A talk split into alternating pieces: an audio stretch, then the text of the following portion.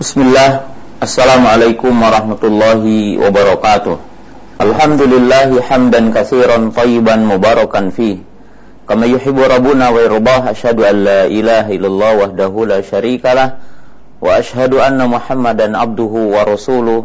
Wassalatu wassalamu ala rasulillah Wa ala alihi wa ashabihi Wa man tabi'ahum bi isanin ila yaumiddini amma ba'du. Kaum muslimin para pendengar Radio Roja, pemirsa Roja TV yang dirahmati Allah Subhanahu wa taala. Alhamdulillah di kesempatan pagi yang berbahagia ini dengan izin dan kudrat dari Allah Subhanahu wa taala kita dapat bertemu lagi dalam kajian ilmiah tentang ahkam-ahkam fikih, tentang hukum-hukum fikih.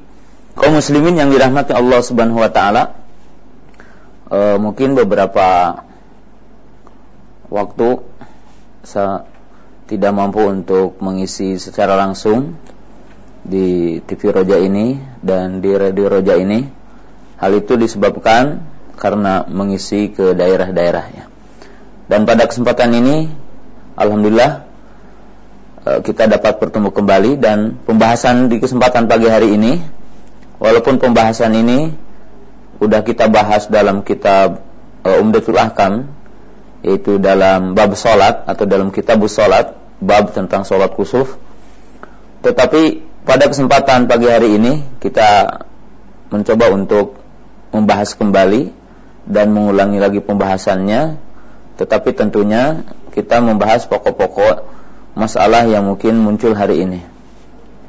Sebagaimana tadi sudah disampaikan oleh Akh Fawaz Hafidahullah Ta'ala bahwa berdasarkan ahli hisab, ahli falak akan terjadi gerhana matahari pada tanggal 9 uh, Maret ya. Maka ada beberapa poin yang kita lihat di media yang di sini memerlukan untuk dijelaskan oleh kita semua ya mungkin diluruskan dan semisalnya. Bahwa kita melihat tentang apa yang akan terjadi dari gerhana bulan ini uh, gerhana matahari maaf ini berbagai fenomena eh, pandangan-pandangan manusia tentang hal ini. Eh, setidaknya mungkin eh, berdasarkan di media ada sebagian orang yang sekedar untuk melihat dari sisi pembelajaran dikaitkan dengan ilmiah ataupun mungkin berkaitan dengan ilmu astronomi sehingga mungkin sebagian orang hanya nanti akan e, membuktikan tentang penemuan ilmiah ini dan tidak dikaitkan dengan jenis ibadah ya. E, kelompok yang lain mungkin kita melihat bahwa lebih kepada mistik. Artinya keyakinan-keyakinan yang tidak berdasar ya seperti mungkin timbul di tengah-tengah masyarakat e, keyakinan-keyakinan yang berbeda-beda tentang gerhana matahari ini ataupun juga berkaitan dengan gerhana bulan, tetapi e, lebih umumnya adalah berkaitan dengan gerhana matahari ya. Kemudian sisi yang lain mungkin sebagian kaum muslimin yang paham terhadap apa yang mesti dilakukan, mereka mengetahui seperti akan menunaikan sholat, bertakbir, bertasbih, bersodakoh, dan ada khutbah sebagaimana kita akan jelaskan. Maka pada poin yang berbahagia ini ataupun dalam kesempatan yang berbahagia ini saya akan menyebutkan poin-poin yang sangat penting ya. Poin yang pertama bahwa baginda Rasulullah Shallallahu Alaihi Wasallam sebagaimana telah diriwayatkan dalam hadis Mughirah ibnu Syu'bah dan hadis Aisyah radhiyallahu taala anha bahwa Rasulullah Shallallahu Alaihi Wasallam membenarkan beberapa keyakinan yang keliru tentang berkaitan dengan gerhana, gerhana matahari. Maka di sini juga kita ingin menjelaskan poin ini apa yang dijelaskan oleh Rasulullah sallallahu alaihi wasallam. Sebagaimana dijelaskan dalam Sahih Bukhari dan Muslim dari sahabat Mughirah ibnu Syu'bah radhiyallahu taala anhu annahu qala in kafshati syamsu yaum mata Ibrahim ini ibnu Rasulullah SAW. Faqala nasu al-ahdi Rasulullah sallallahu alaihi wasallam in kafatu syamsu limoti Ibrahim. Faqala Nabi sallallahu alaihi wasallam inna syamsa wal qamara ayatani min ayatillah la yankashifani limauti ahadin wala li hayatihi. Fa idza ra'aituhuma fad'ullaha wa sallu hatta yanjaliyah Inilah hadis yang diriwayatkan oleh Imam Bukhari dan yang lainnya. Imam Muslim. Bahwa Mughirah ibnu Syu'bah radhiyallahu taala anhu menceritakan dan meriwayatkan dan hadis ini adalah hadis yang sahih bahwa telah terjadi gerhana di hari wafatnya Ibrahim.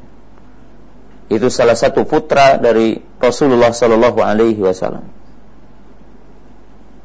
Maka orang-orang jahiliyah, orang-orang kufar Quraisy, mereka berkata, telah terjadi gerhana matahari karena meninggalnya Ibrahim. Karena meninggalnya Ibrahim yaitu putra Rasulullah SAW. Maka tatkala Nabi SAW mengetahui hal itu, maka beliau membenarkan dan membetulkan akidah mereka. Jadi membatalkan akidah lalu membetulkan. Waqala inna syamsa wal ayatani min ayatillah. Sesungguhnya gerhana bulan dan gerhana matahari adalah dua di antara ciri-ciri kekuasaan Allah.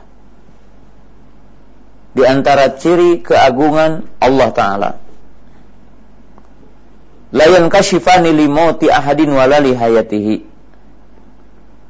Di mana Rasulullah Shallallahu Alaihi Wasallam menjelaskan bahwa gerhana matahari atau gerhana bulan bukan disebabkan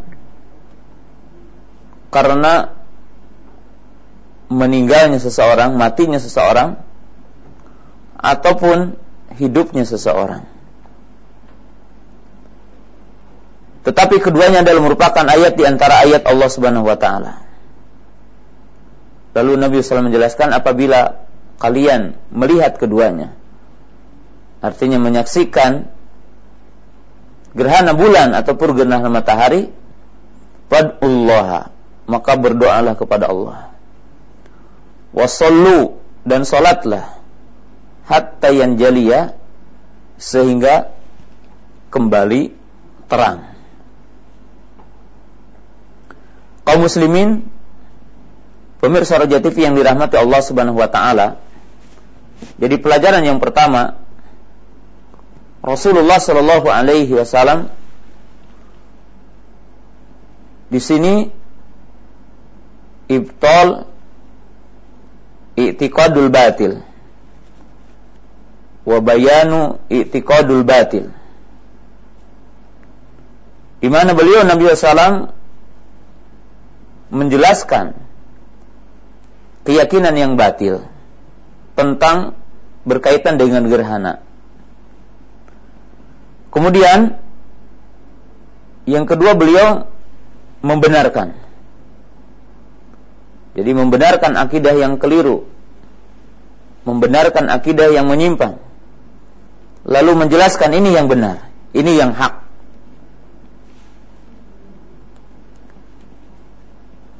Kaum muslimin yang dirahmati Allah Subhanahu wa taala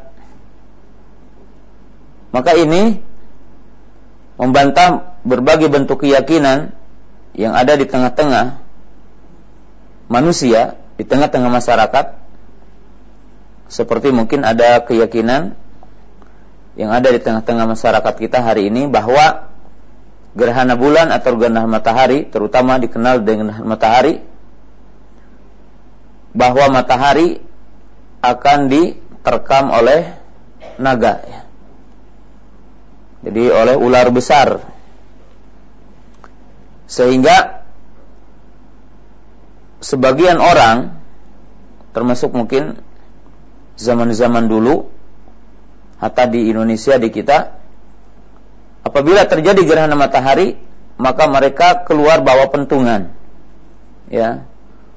Bawa panci bawa ember bahwa pentungan yang lainnya. Kemudian disuarakan dengan satu keyakinan bahwa naga tidak jadi menerkamnya naga tidak jadi memakan terhadap e, memakan e, bulan ataupun matahari itu.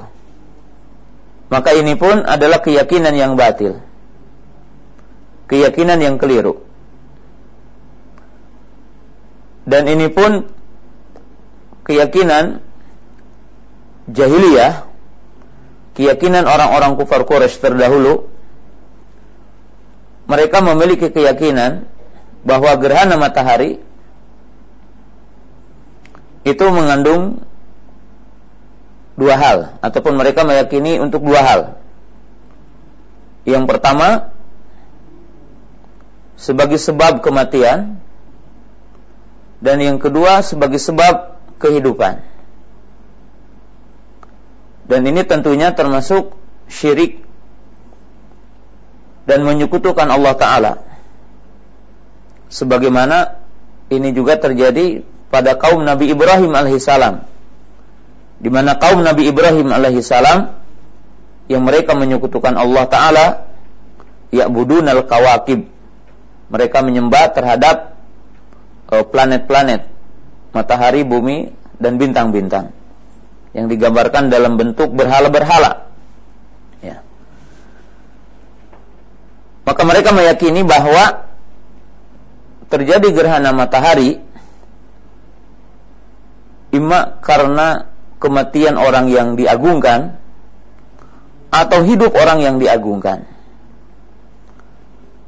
Maka dua akidah ini adalah akidah yang batil, akidah yang keliru, akidah yang menyimpang. Maka Islam menganggap batil dan menganggap keliru. Ini keyakinan dan seluruh keyakinan berkaitan dengan matahari ataupun bulan selain apa yang dijelaskan oleh Nabi Sallam di sini apa? Di mana Nabi Sallam menjelaskan bahwa akidah yang benar akidah yang benar inna syamsa wal qamara ayatani min ayatillah Sesungguhnya matahari dan bumi, matahari dan bulan atau gerhana matahari dan gerhana bulan adalah di antara ayat-ayat Allah.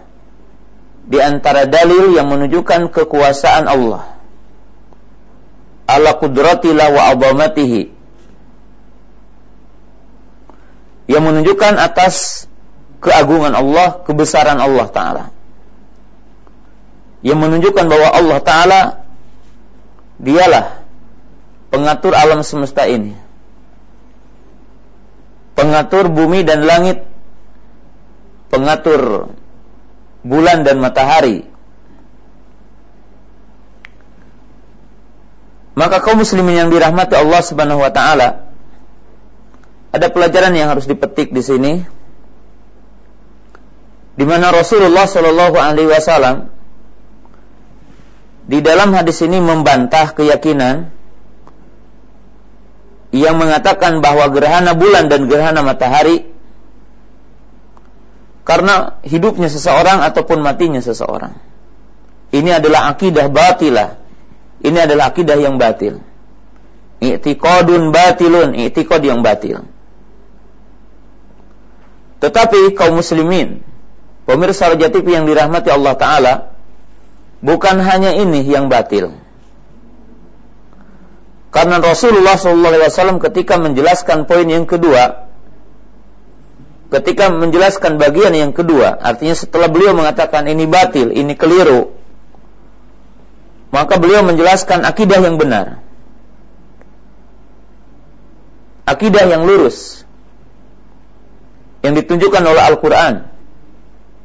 Yang ditunjukkan oleh Sunnah akidah yang diinginkan Allah dan Rasulnya. Maka belum mengatakan sesungguhnya matahari bulan, gerhana bulan, gerhana matahari adalah di antara ayat ayat Allah, di antara kekuasaan-kekuasaan Allah. Maka ini menjadi satu jawaban dan menjadi satu penjelas bahwa seluruh akidah, seluruh keyakinan yang tidak seperti ini itu batil dan bukan hanya membantah keyakinan yang tadi. Jadi keyakinan yang tadi saja. Tetapi seluruh keyakinan yang tidak mengatakan bahwa matahari atau gerhana matahari dan gerhana bulan bukan ayat di antara ayat Allah, maka itu batil.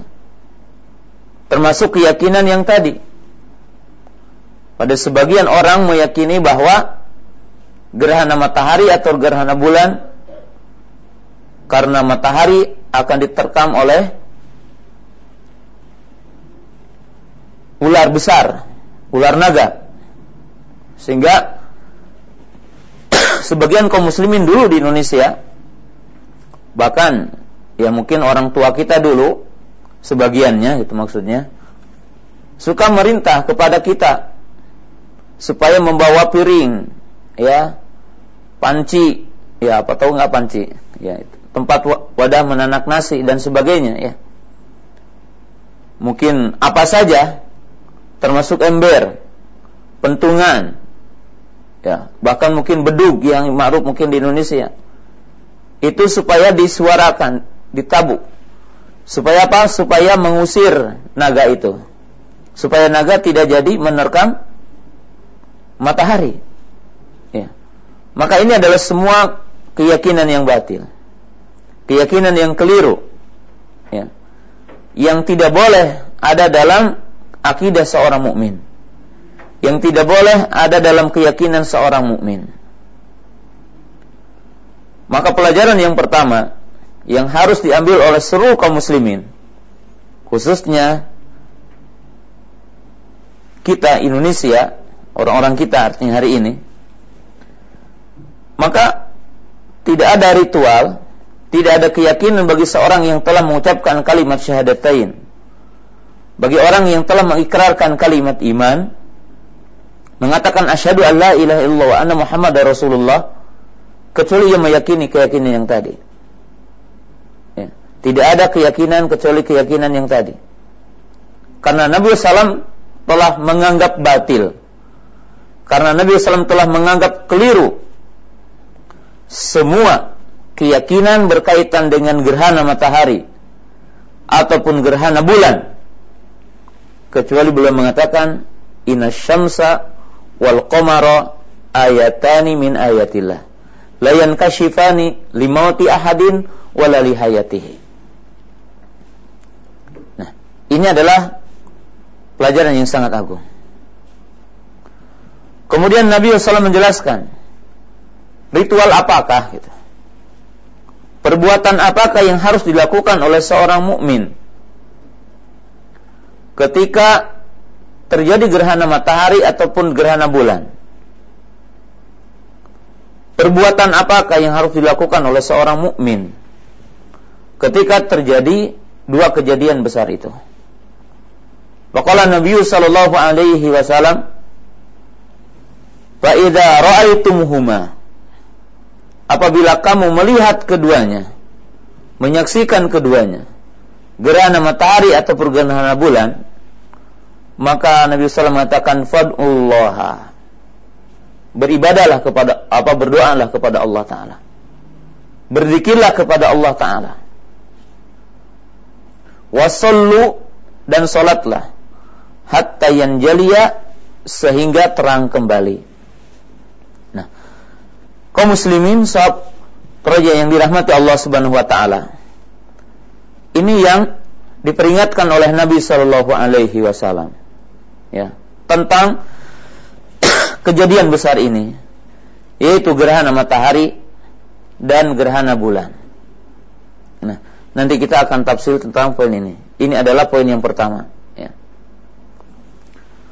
Poin yang kedua yang perlu kita ketahui tentang gerhana matahari ataupun gerhana bulan dari sisi kaidah lain yang harus dipahami oleh kaum muslimin yang harus dipahami oleh kita semua.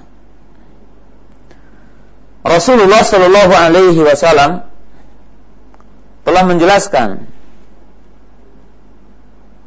di dalam hadis-hadisnya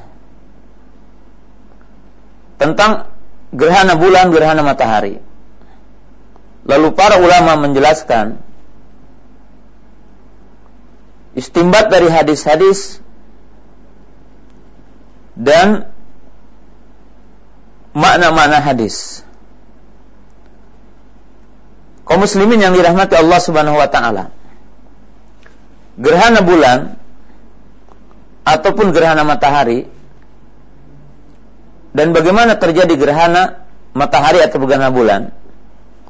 Maka kalimat yang sederhana gerhana matahari adalah di mana bulan menghalangi matahari. Maka itu dinamakan gerhana matahari.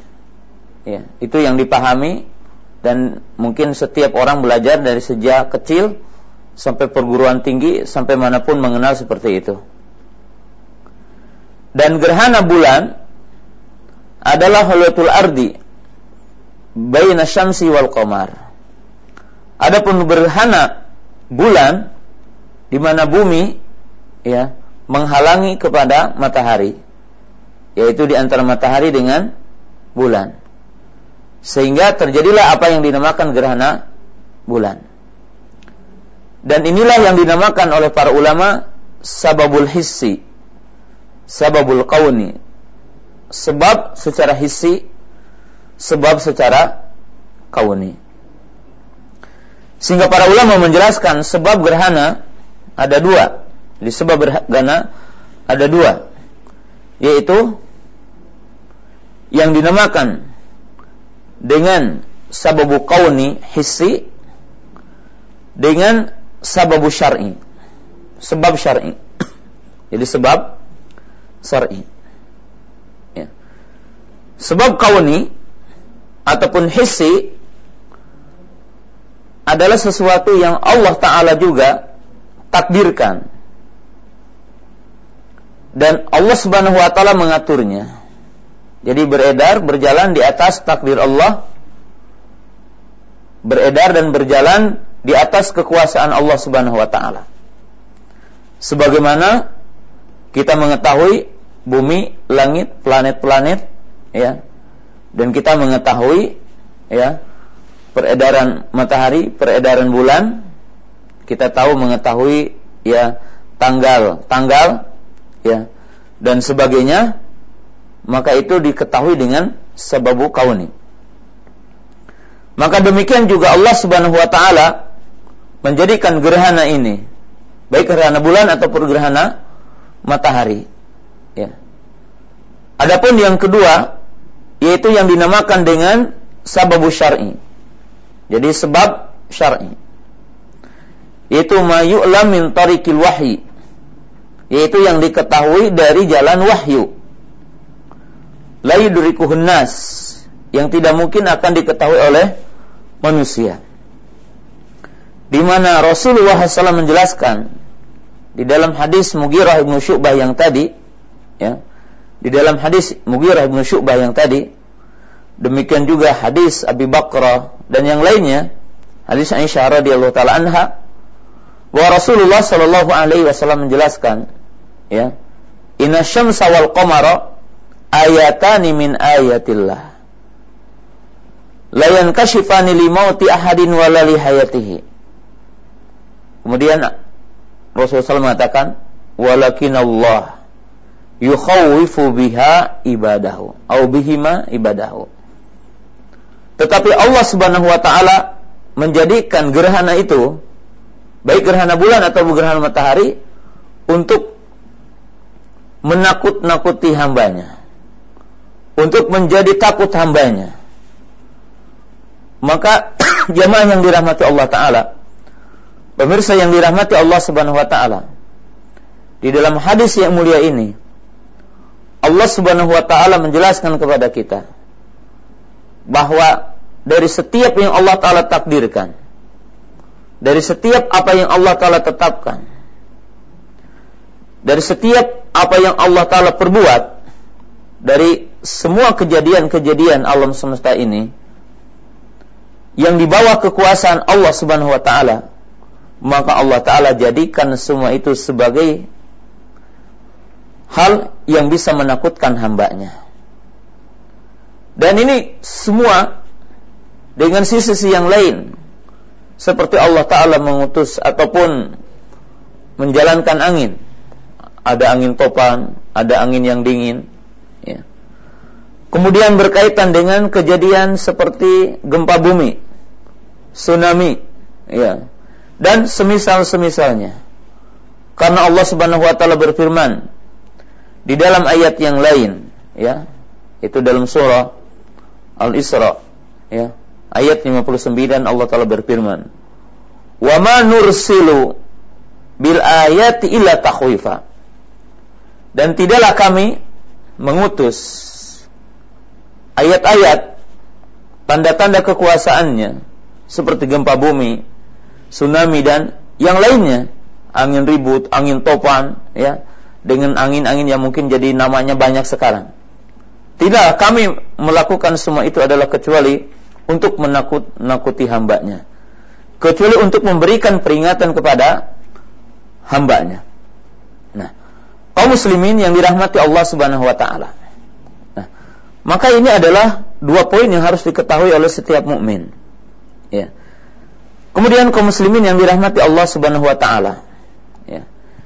Di dalam poin berkaitan dengan hal ini, ada hal-hal yang berkaitan dengan hukum-hukum. Ya.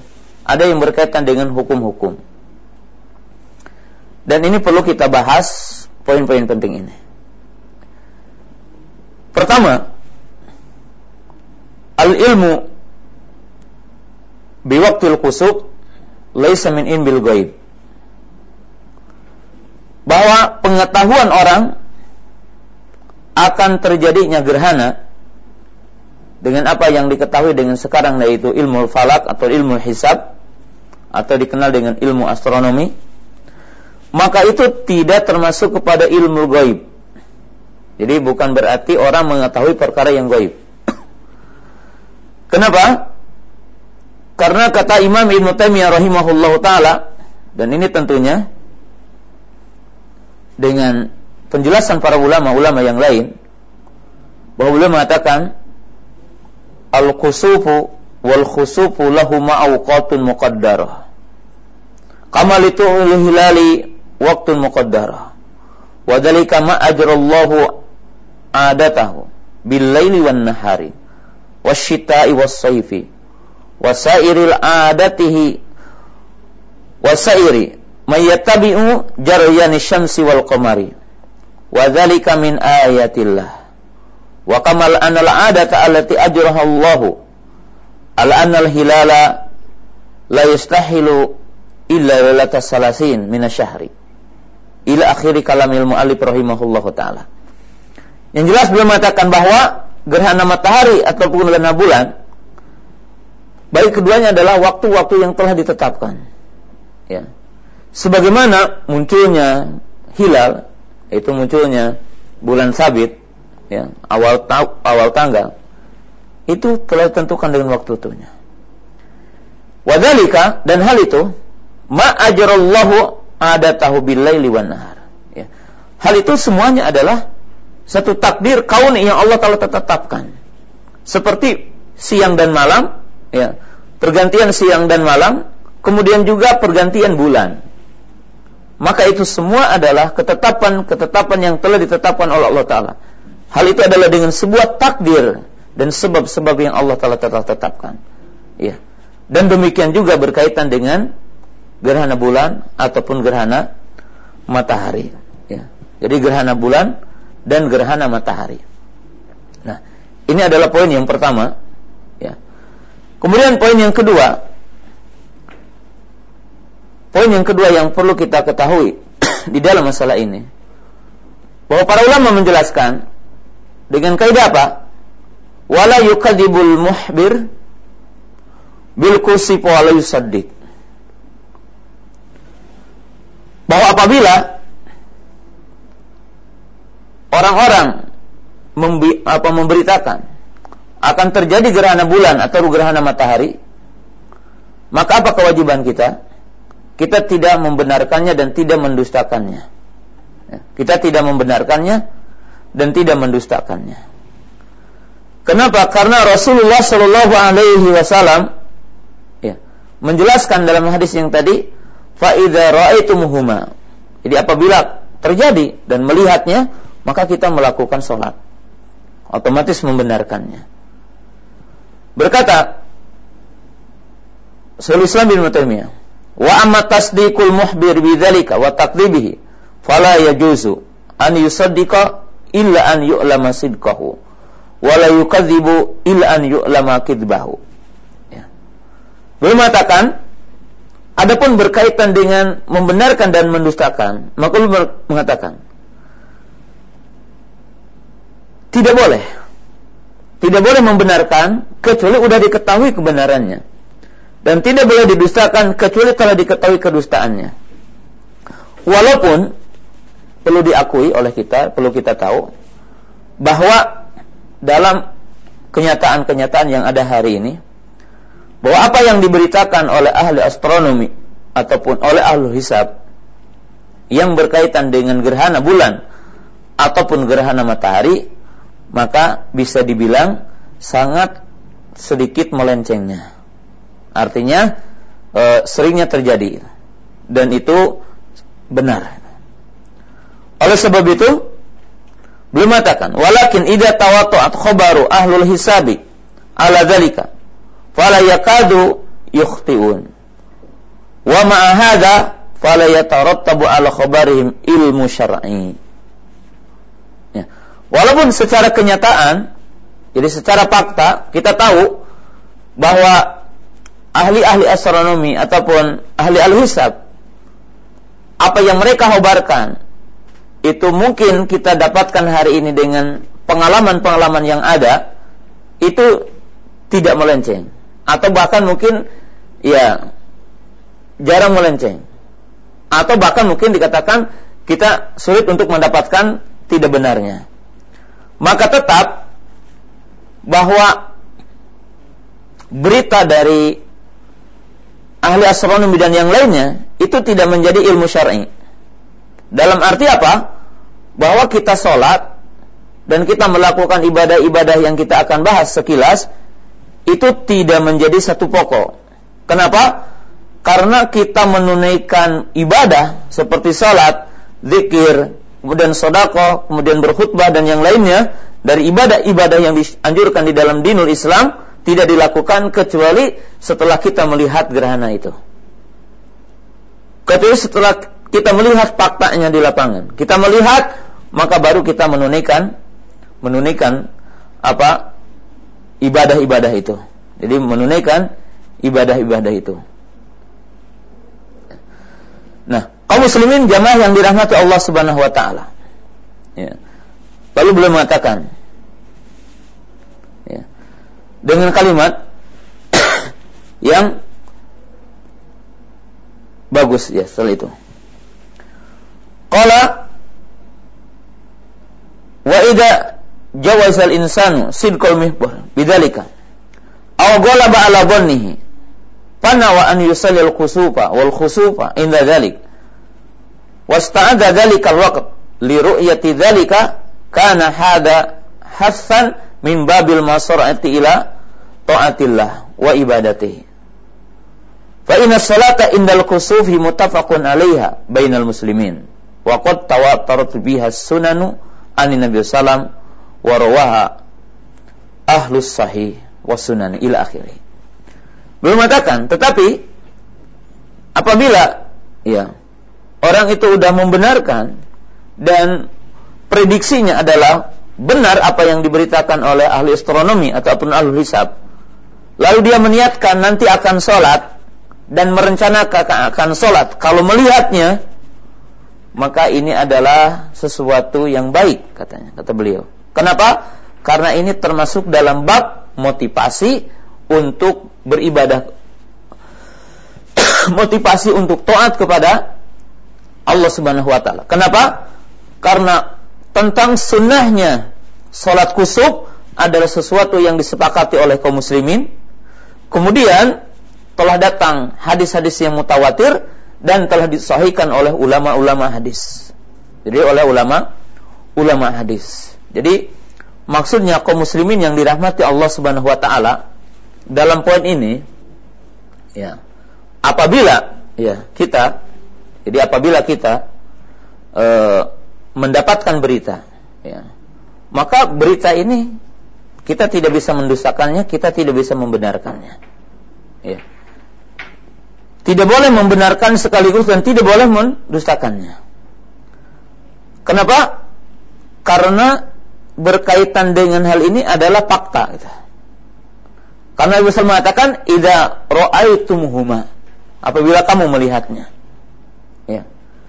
Tetapi kata beliau, pengalaman dan hakikat ya, membuktikan bahwa umumnya apa yang dihabarkan itu adalah benar Lalu jika seseorang itu meyakini bahwa akan terjadi dan uh, prediksi dia yang dibenar, yang dihabarkan itu adalah benar, lalu dia melakukan persiapan dan meniatkan untuk sholat nanti, ya, maka itu adalah sesuatu yang baik karena masuk kepada bersegera kepada kebaikan, bersegera kepada taat kepada Allah Taala.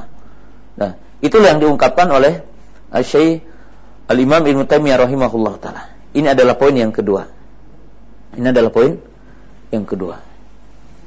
Poin yang ketiga bahwa sesuatu yang harus dicatat oleh kaum muslimin, oleh kita semua, maka gerhana bulan atau gerhana matahari ya, dan sesuatu yang berkaitan dengan ibadahnya yaitu jadi kita menunaikan sholat, zikir, tasbih, takbir, adalah dengan sebab melihatnya. Maka di sini menunjukkan daerah ya, yang tidak melihat gerhana, maka dia tidak mengamalkan dengan berita dari daerah yang lain. Ya. Sekarang takdirkan terjadi gerhana ya hanya daerah-daerah umpamanya sekitar Kalimantan dan Pulau Jawa tidak terlihat. Maka bagi orang-orang yang ada di Pulau Jawa yang dia tidak melihat tentang gerhana ini, walaupun orang-orang mana orang-orang Kalimantan melihatnya, maka kita tidak sholat. Ya. Karena hadis yang tadi jelas sekali, faida huma. Apabila melihat salah satu di antara keduanya atau melihat keduanya, maka sholatlah. Jadi maka sholatlah. Jadi maka sholatlah. Dan ini adalah poin yang sangat penting. Ya. Dan hal ini menunjukkan kaidah yang selanjutnya. Kaidah yang selanjutnya, ya. Apabila ada berita mukhbir gerhana bulan atau gerhana matahari, gerhana bulan atau gerhana matahari, katakan gerhana bulan.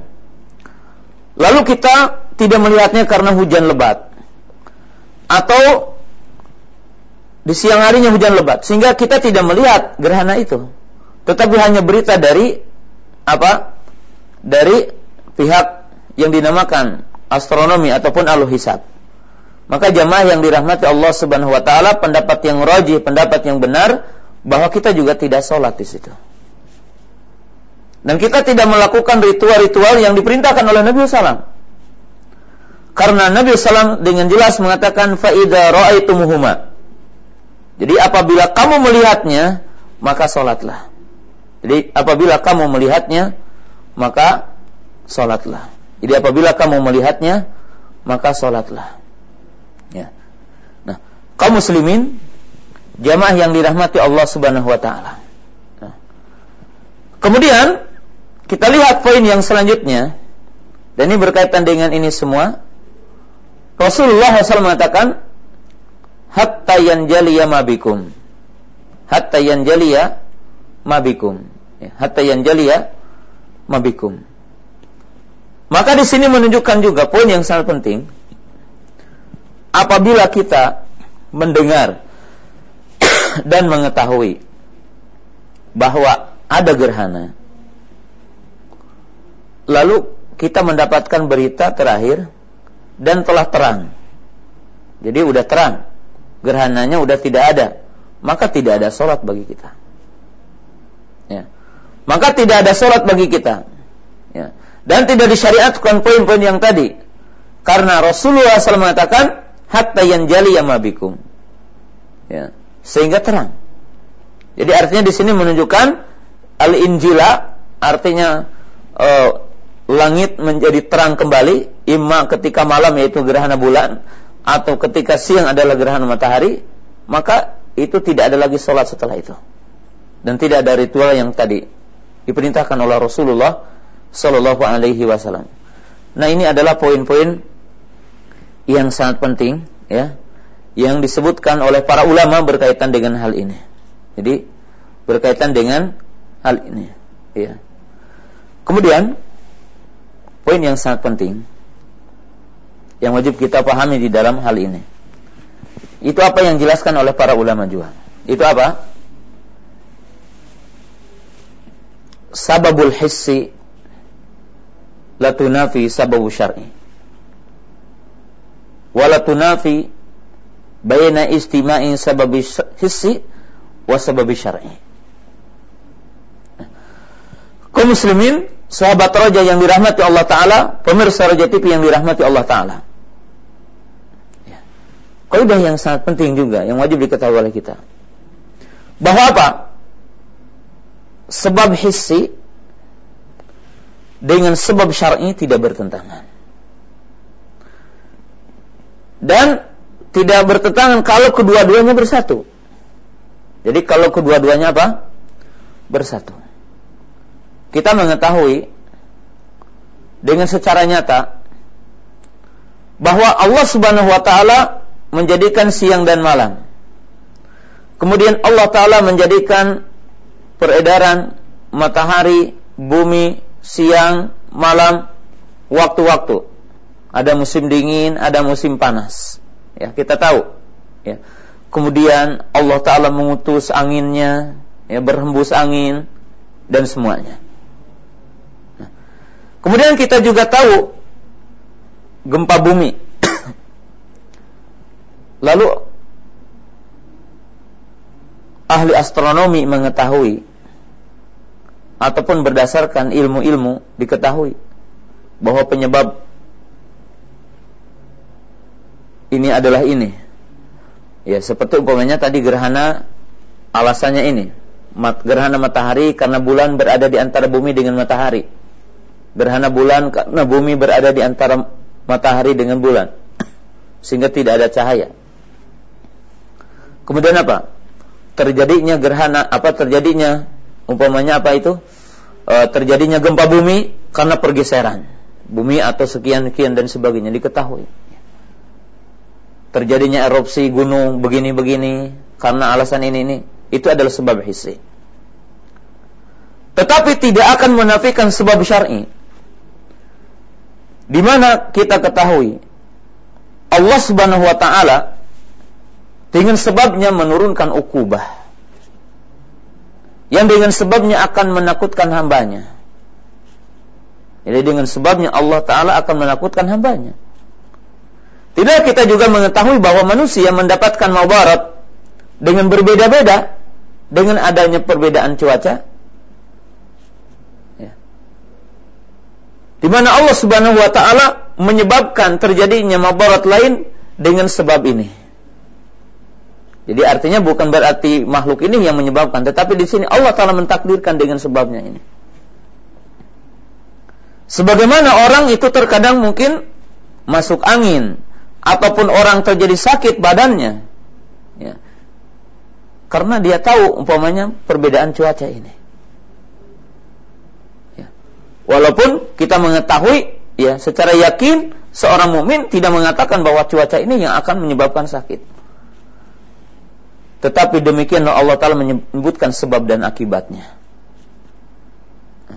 Maka kaum muslimin yang dirahmati Allah Subhanahu wa taala, sesuatu yang wajib dikiyakini oleh setiap mukmin bahwa dengan terjadinya gerhana matahari ataupun gerhana bumi, sesuatu yang kita tidak tahu bahwa akan terjadi sesuatu azab yang menimpa kepada hambanya setelah itu.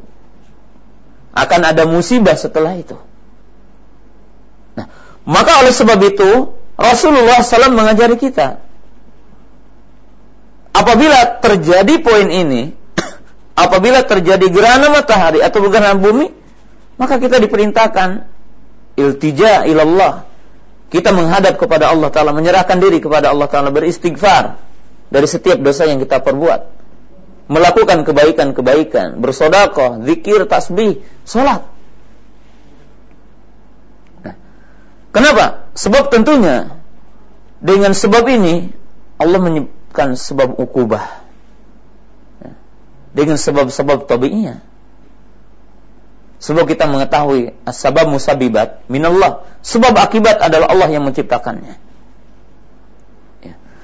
Maka kaum muslimin yang dirahmati Allah Subhanahu wa taala ini adalah poin yang sangat penting. Dan di antara poin yang sangat penting kaum muslimin yang dirahmati Allah taala yang harus dicatat oleh setiap mukmin sebagaimana dijelaskan oleh para ulama bahwa wajib dicatat al ilmu bi waqtil khusuf awil khusuf la yunafil khauf bahwa tahu akan terjadi gerhana dan tahu sebabnya maka ini tidak menafikan rasa takut kenapa karena Rasulullah SAW telah menjelaskan ayatani min ayatillah yuhawifa bihima ibadah. Di mana Allah Ta'ala bermaksud untuk apa? Walakin Allah bihima ibadahu. Au biha ibadahu. Tergantung disebutkan satu atau dua. Tetapi Allah Ta'ala bermaksud dengan gerhana ini menakutkan hambanya. Membikin takut hambanya. Kenapa jemaah yang dirahmati Allah Ta'ala? Sebab kita tahu tadi, makanya dalam poin ini, kita tidak boleh hanya mengajarkan dalam ilmu teori dari sisi astronominya saja. Sehingga mungkin ketika terjadi ini hanya dijadikan oh, satu rekreasi ataupun satu apa metode ilmiah saja. Dan ini termasuk kaum muslimin dari para pemimpin kita, kemudian para dai kita, para kiai kita, dan kita sebagai masyarakat tidak boleh hanya menjadikan bahwa ini adalah umpamanya rekreasi melihat oh indahnya matahari ketika terjadi gerhana seperti ini. Kemudian dijadikan hanya oh, metode ilmiah saja bahwa ini adalah didapatkan keilmuan seperti ini ini. Enggak ya. Karena memang Rasulullah telah memberitahu kepada kita yang dikatakan yuhawtu bihima ibadah. Allah akan menakut-takuti dengan hal ini. Dan kita tidak tahu apa yang akan terjadi setelah ini. Sebagaimana kita tahu dari apa-apa yang Allah Ta'ala telah jadikan sesuatu yang ada, biasa, dan beredar seperti itu, maka Allah Ta'ala menimpakan ukubah kepada hamba-hambanya. Menimpakan adab kepada hamba-hamba dengan sebabnya. Ya. Kau muslimin, sahabat raja yang dirahmati Allah Subhanahu wa taala. Oleh sebab itu, Al-Imam Ibnu Mulakon rahimahullahu taala beliau telah menyebutkan ada tujuh faidah dari gerhana matahari ataupun gerhana bulan. Sebagaimana Al-Imam At-Tabari rahimahullahu taala telah menjelaskan. Beliau mengatakan apa ini manfaat dan hikmah dari gerhana bulan dan matahari. Beliau mengatakan ada tujuh faidah. Ada tujuh pembelajaran, ada tujuh hikmah dari gerhana ini. Yang pertama, duhuru at-tasarruf fi syamsi wal qamar. Wahuma khalqani wa adiman di sini menunjukkan tentang apa? Ya, menampakkan bahwa Allah Ta'ala dialah yang mengatur semuanya. Allah yang berkuasa. Yang mana kita tahu bahwa bumi, langit, matahari, bulan, makhluk-makhluk yang sangat besar.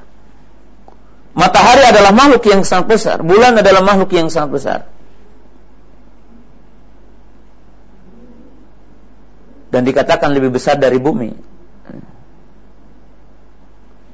Lalu Allah Ta'ala mampu untuk mengaturnya. Yang tadinya bercahaya jadi tidak bercahaya. Yang tadinya ada sinar menjadi tidak ada sinar, terhalang sinarnya. Allah Ta'ala mampu untuk semua itu. Maka ini akan menanamkan kepada seorang mukmin semakin merunduk tunduk, menyerah, merendah di hadapan Allah Ta'ala. Karena Allah Ta'ala maha berkuasa untuk itu semua.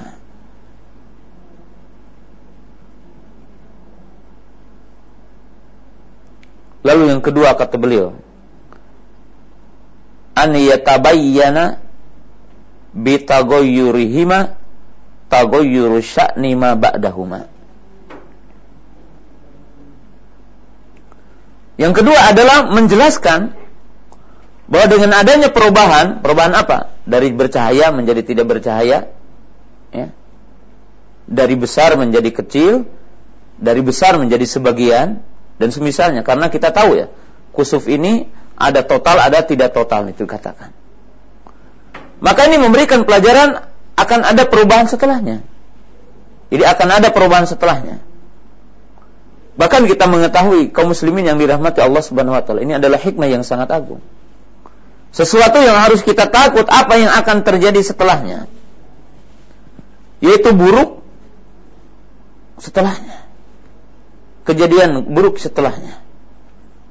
Sehingga orang perlu menyerahkan diri kepada Allah Subhanahu wa taala. Kemudian yang ketiga, izajul qulubis sakinati bil ghaflati wa iqadhiha. Yang kedua, yang ketiga, inti dari makna poin ini bahwa memperingatkan hati yang lalai.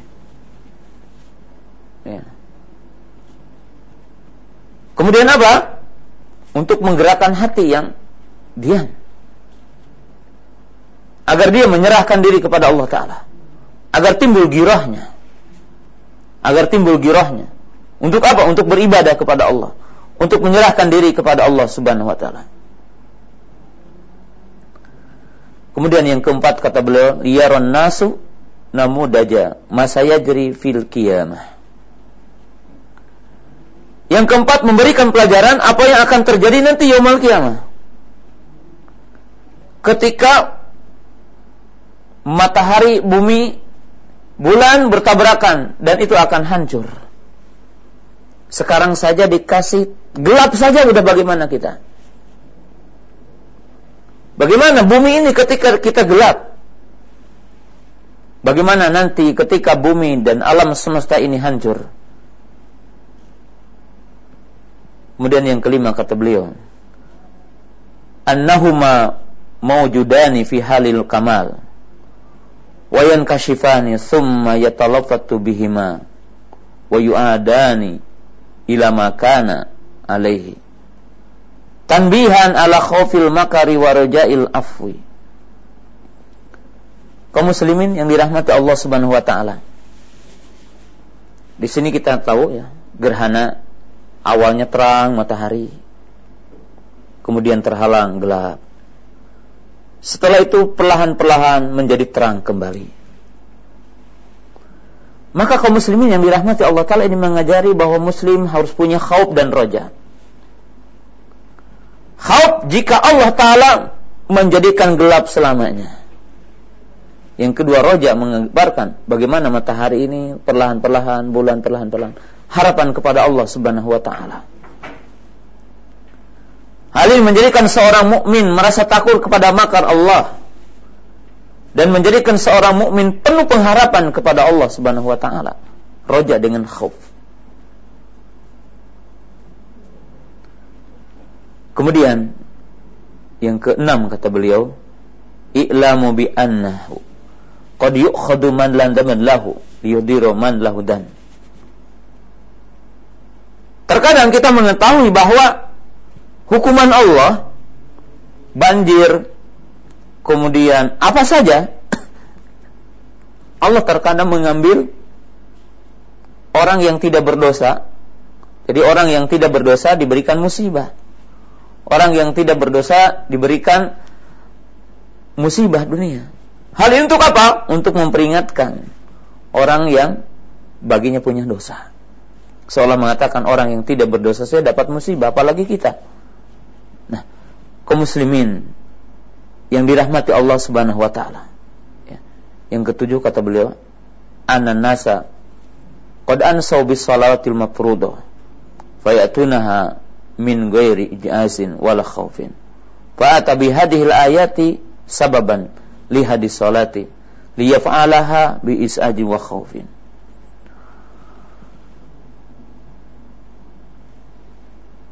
Belum mengatakan yang ketujuh bahwa orang terkadang melalaikan sholat yang fardu.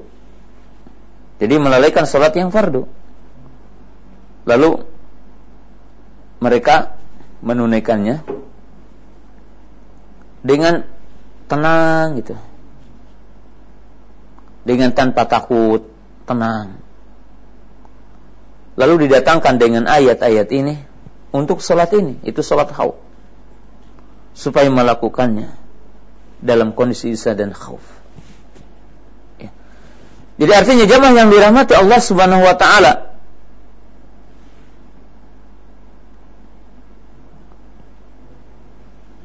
supaya apa? Apabila orang itu mampu melakukan sholat dalam kondisi seperti ini, maka dia akan menjadi terbiasa melakukan yang aman dan ia akan lebih damai melakukan sholat ketika aman. Nah, kaum muslimin yang dirahmati Allah Subhanahu wa taala ini hikmah yang dijelaskan oleh Imam bin Mulaqan juga oleh Imam Al-Tabari rahimahullahu taala. Ini adalah hikmah dari pelajaran berkaitan dengan sholat apa gerhana matahari atau gerhana bulan. Nah, maka kaum muslimin jamaah yang dirahmati Allah Subhanahu wa taala. Ini adalah hal yang dianjurkan oleh Rasulullah SAW. Sesuatu yang diperingatkan oleh Rasulullah Wasallam.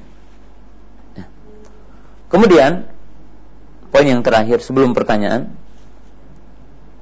apakah yang dianjurkan bagi seorang Muslim apabila ia mengetahui gerhana bulan atau gerhana matahari? Maka di antara poin-poin yang diajarkan oleh Rasulullah Sallallahu Alaihi Wasallam, salat itu salat dengan sifat dan kaifiah yang khusus. Yang kedua, kasratul istighfar, memperbanyak istighfar. Wa kasratu dzikrillah dan memperbanyak zikir. Wa tasaddaq dan bersedekah maka ini yang dianjurkan oleh Rasulullah SAW. Dan yang kelima adalah apa? Al-khawf minallah. Yaitu timbul rasa takut kepada Allah Ta'ala. Karena Rasulullah Sallallahu Alaihi Wasallam telah menjelaskan, Inna syamsa wal qamara ayatani min ayatillah. La yankashifani li mauti ahadin wala li hayatihi walakin Allah yukhawifu bihima ibadah. Gerhana bulan, gerhana matahari bukan karena matinya seseorang ataupun hidupnya. Tapi keduanya adalah ayat di antara ayat Allah Subhanahu wa taala. Allah dengan gerhana itu menakutkan hambanya. Kaum muslimin, sahabat raja yang dirahmati Allah Subhanahu wa taala maka harus timbul pada diri seorang muslim khasyiyah khauf kepada Allah taala. Khauf. Kenapa? Khauf terhadap adabnya. Khauf terhadap ukubahnya khauf terhadap siksaannya. Haub terhadap murkanya Allah Subhanahu wa taala. Yang menjadikan seorang mukmin iltija ilaih. Menyerah diri kepadanya. At-taqarrubu ilaihi bit ta'at. Taqarrub kepadanya dengan taat. Jadi mendekatkan diri kepada Allah taala dengan taat. Maka kaum muslimin yang dirahmati Allah Subhanahu wa taala ini adalah hal yang sangat dianjurkan bagi seorang mukmin. Salat, bersodakoh, beristighfar, banyak zikir dan timbul rasa takut kepada Allah Subhanahu wa taala.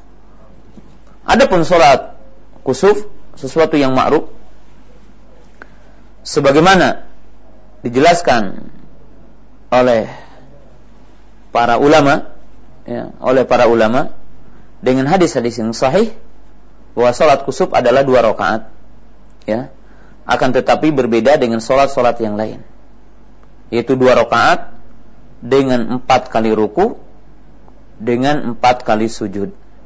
Jadi empat kali ruku dengan empat kali sujud dan empat kali membaca surah. Itu Fatihah, baik surah. Bagaimana caranya? Caranya gampang, sholat kusuk Pertama adalah niat di dalam hati tidak dilafadkan. Kemudian takbiratul ihram, ya. kemudian membaca iftitah, kemudian membaca al-fatihah, kemudian membaca surah, ya, yang panjang disunahkan, kemudian ruku dengan ruku yang panjang, kemudian setelah itu adalah i'tidal. Itu mengucapkan salim Allah liman hamidah. Maka tidak langsung sujud, maka duduk, berdiri kembali dan membaca Al-Fatihah dan membaca surah yang lebih pendek dari rakaat yang pertama. Kemudian ruku, kemudian iktidal, kemudian sujud. Dengan sujud yang panjang, kemudian duduk di antara dua sujud, kemudian sujud lagi. Kemudian setelah itu adalah bangkit kembali untuk rakaat yang kedua, kemudian membaca Al-Fatihah, membaca surah dengan lebih ringan lagi ataupun lebih pendek lagi bacaannya kemudian ruku, kemudian i'tidal. Kemudian tidak langsung sujud, tetapi baca Al-Fatihah lagi, kemudian baca surah lagi yang lebih pendek lagi, kemudian ruku, kemudian i'tidal. Kemudian sujud, kemudian duduk di antara sujud, kemudian sujud lagi, kemudian setelah itu adalah tasyahud. Kemudian setelah itu adalah salam, ya. Maka inilah e, salat kusuf. Ya baik gerhana matahari ataupun gerhana bulan. Nah, itu dari sisi e, apa? salat. Kemudian disunahkan untuk mengatakan as-salatul jami'ah dengan tanpa adan dan iqamah. Jadi tidak ada adan dan tidak ada iqamah, tetapi cukup mengatakan as-salatu jami'ah. As-salatu jami'ah, ya. Kemudian disunahkan untuk berkhutbah menurut pendapat yang rojih. Jadi kemudian juga dijaharkan, jadi dijaharkan, kemudian berjamaah, jadi disunahkan dijaharkan, disunahkan berjamaah, yaitu berjamaah di masjid, ya untuk kusub tidak di musola, tetapi berjamaah di masjid sebagaimana dikatakan dalam hadis Aisyah radhiyallahu taala anha dan para wanita juga boleh untuk sholat kusub sebagaimana uh, Aisyah radhiyallahu taala anha kemudian juga Asma radhiyallahu taala anha beliau berdua ikut sholat kusuf. Sholat kusuf ya. Kemudian disunahkan untuk khutbah. Adapun khutbah yang isinya adalah berkaitan dengan bagaimana nasihat untuk memperingatkan orang dari adab Allah Taala, sebagaimana e, beberapa hadis bahwa Nabi SAW juga menceritakan bahwa beliau melihat penghuni neraka melihat orang-orang yang diadab di neraka. Jadi itu adalah hal-hal yang diperingatkan bagi seorang khotib yang apa dia berkhutbah ketika sholat apa e, kusuf ya sholat sholat kusuf ya kemudian kaum muslimin yang dirahmati Allah subhanahu wa taala e, kapan sholat kusuf itu sholat kusuf dari mulai kita melihat ya sampai e, apa perginya kusuf itu atau menjadi terang kembali. Jadi apabila telah terang maka bagi kita tidak ada lagi solat solat khusuf. Pemirsa Raja TV yang dirahmati Allah Subhanahu wa taala, barangkali demikianlah yang saya bisa sampaikan di kesempatan pagi yang berbahagia ini. Dan insya Allah dengan beberapa pertanyaan mungkin akan menjadi lebih sempurna apa yang belum terbahas. Mungkin dengan adanya pertanyaan yang e, sesuatu yang mungkin di luar apa yang telah dijelaskan akan menjadi jelas insya Allah. Baik, terima kasih kami ucapkan untuk Al-Ustaz Jazakumullahu khairan atas materi bahasan yang penuh manfaat yang telah kita simak bersama tadi Pendengar dan pemirsa Roja untuk lebih e, memperluas bahasan yang Ustaz sampaikan Kita memasuki sesi interaktif, sesi tanya jawab Silakan untuk Anda yang akan bertanya di 0218236543 atau pesan singkat silakan bisa kirimkan ke 0819896543. Tentunya kami berharap pertanyaan Anda berkesesuaian dengan bahasan yang Ustaz sampaikan tadi. Baik, kita coba sapa untuk yang pertama dari penelpon. Silahkan 0218236543. Iya. Halo. Iya. Silakan. Nah, kadar terputus. Baik, silakan. Kami undang kembali Anda untuk uh, menelpon kami di 0218236543, ya. Silakan. Masih belum uh, tersambung? Atau sudah ada ya? Silakan dengan siapa? Halo, Assalamualaikum. Waalaikumsalam warahmatullahi wabarakatuh. Silakan dengan siapa dari mana? Dari Abu Aziza di perjalanan, Ustaz. Pak Abu Aziza, mohon maaf dikecilkan radio atau TV-nya, Pak perjalanan. Ya, di perjalanan Pak. Ya, silakan ke pertanyaannya Pak. Ya, Assalamualaikum Syekh Barakallahu Fik. Ya. Waalaikumsalam warahmatullahi wabarakatuh. Silakan. Ya, tadi kan ya, tadi kan dijelaskan dalam hadis bahwa uh, sholat gerhana dilakukan ketika uh, idza ra'aituhu ma yusada. Hmm. Jika engkau melihat uh, gerhana matahari ataupun gerhana bulan. Nah, ini mohon dijelaskan kembali Ustaz. Eh, di sini engkau engkau yang dimaksud apakah di sini adalah uh, para pakar astronomi yang mungkin dia jauh-jauh hari telah menetapkan adanya gerhana matahari ataupun bulan, yeah. ataupun engkau di sini adalah setiap kaum muslimin yang mungkin pada hari itu juga melihat gerhana kemudian menyebarkan kepada kaum muslimin yang lain untuk melakukan sholat uh, sholat sholat gerhana. Yeah. Kemudian juga terkait uh, dengan gerhana ini, apakah di sini juga ada peran pemerintah untuk menetapkan dan menginformasikan kepada kaum muslimin daerah mana saja yang dilalui gerhana kemudian uh, pemerintah menetapkan daerah ini yang harus melakukan sholat gerhana dan daerah yang lain tidak melakukan gerhana sebagaimana uh, seperti penetapan satu sawal seperti itu. Baik. Ya, Terima kasih Pak Abu Ziza. Assalamualaikum. Waalaikumsalam warahmatullahi wabarakatuh. Pertanyaan penuh manfaat mungkin saya silakan. Ke oh, masya Allah ini pertanyaan yang tadi udah saya jelaskan kaidahnya bahwa uh, yang dimaksud di situ adalah melihat secara hakiki. Melihat fakta bilain dengan mata ya. Maka oleh sebab itu tadi telah dijelaskan bahwa apa yang dijelaskan oleh Imam Ibn Taimiyah rahimahullahu taala uh, dan para ulama yang lainnya bahwa kita tidak mendustakan dan tidak membenarkan ya sehingga terjadi gerhana itu jadi terjadi gerhana itu dan terlihat gerhana itu. Maka sangat gampang sekali daerah yang mana saja yang terlihat ya. Jadi kalau berkaitan dengan apakah pemerintah ataupun pihak berwenang, ya kalau pihak berwenang dalam arti dengan pengetahuan hari ini itu memberitakan ya, berhak untuk memberitakan dan tidak mengapa memberitakan. Ya. Akan tetapi bagi kita ya untuk melaksanakan sholat bukan semena, apa semata-mata dengan berita itu ya.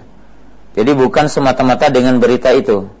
Seperti dikatakan oleh Syaikhul Islam Ibnu Taimiyah rahimahullah taala di itu dikatakan tidak menetapkan ilmu syar'i. Ya. Jadi tidak menetapkan ilmu syar'i sehingga melihatnya. Sehingga apa melihatnya?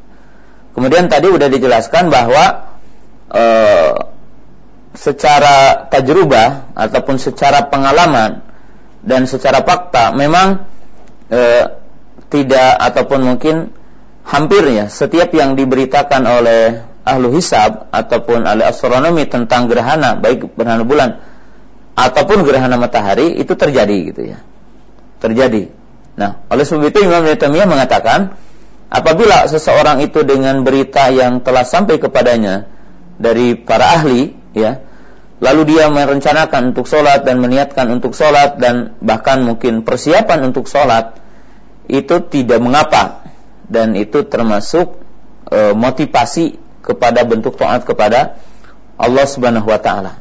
Jadi yang jelas e, kita melakukan sholat ketika melihat dan ketika ada gitu. Jadi ketika melihat dan ketika ada. Maka berita dari ahli astronomi ataupun ahli hisab tidak dibenarkan dan tidak apa? tidak didustakan. Demikian dikatakan oleh Imam Ibnu Taimiyah. Mungkin tadi belum atau ter, terlewat ya tadi pembahasannya.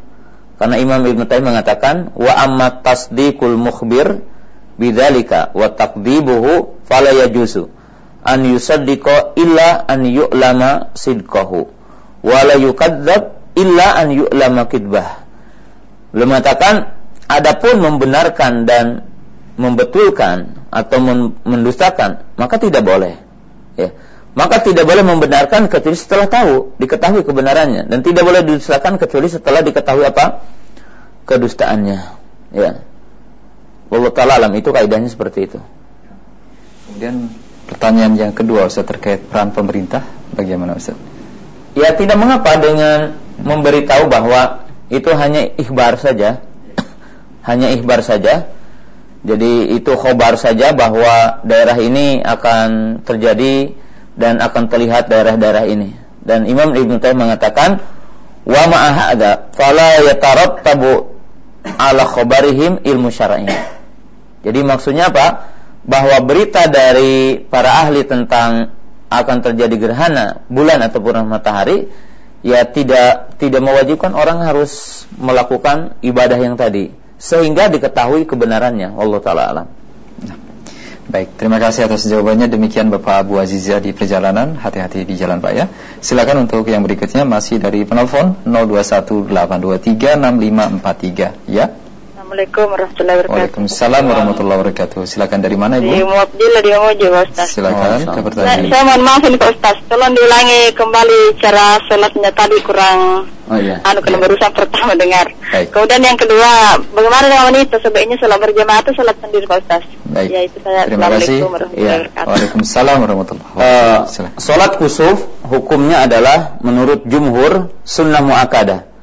Al Imam Abu Hanifah rahimahullah taala dan riwayat dari Imam Ahmad mengatakan dia adalah wajibnya dan beberapa ulama mengatakan wajibnya seperti Syekh Muhammad Shalih Utsaimin, Syekh Mukbil dan yang lainnya mengatakan salat kusuf adalah wajib ya dengan dalil tadi fa idza ra'aitumhuma fasallu apabila kamu melihatnya maka salatlah. Paling tidak mengatakan kita sunnah ya, sunnah muakkadah hukumnya. Maka dengan itu juga e, kita jelaskan bahwa kaum muslimin di Indonesia tidak boleh hanya e, tadi umpamanya hanya e, penelitian ilmiah, hanya berkaitan dengan ilmiah dijadikan sebuah apa tadi?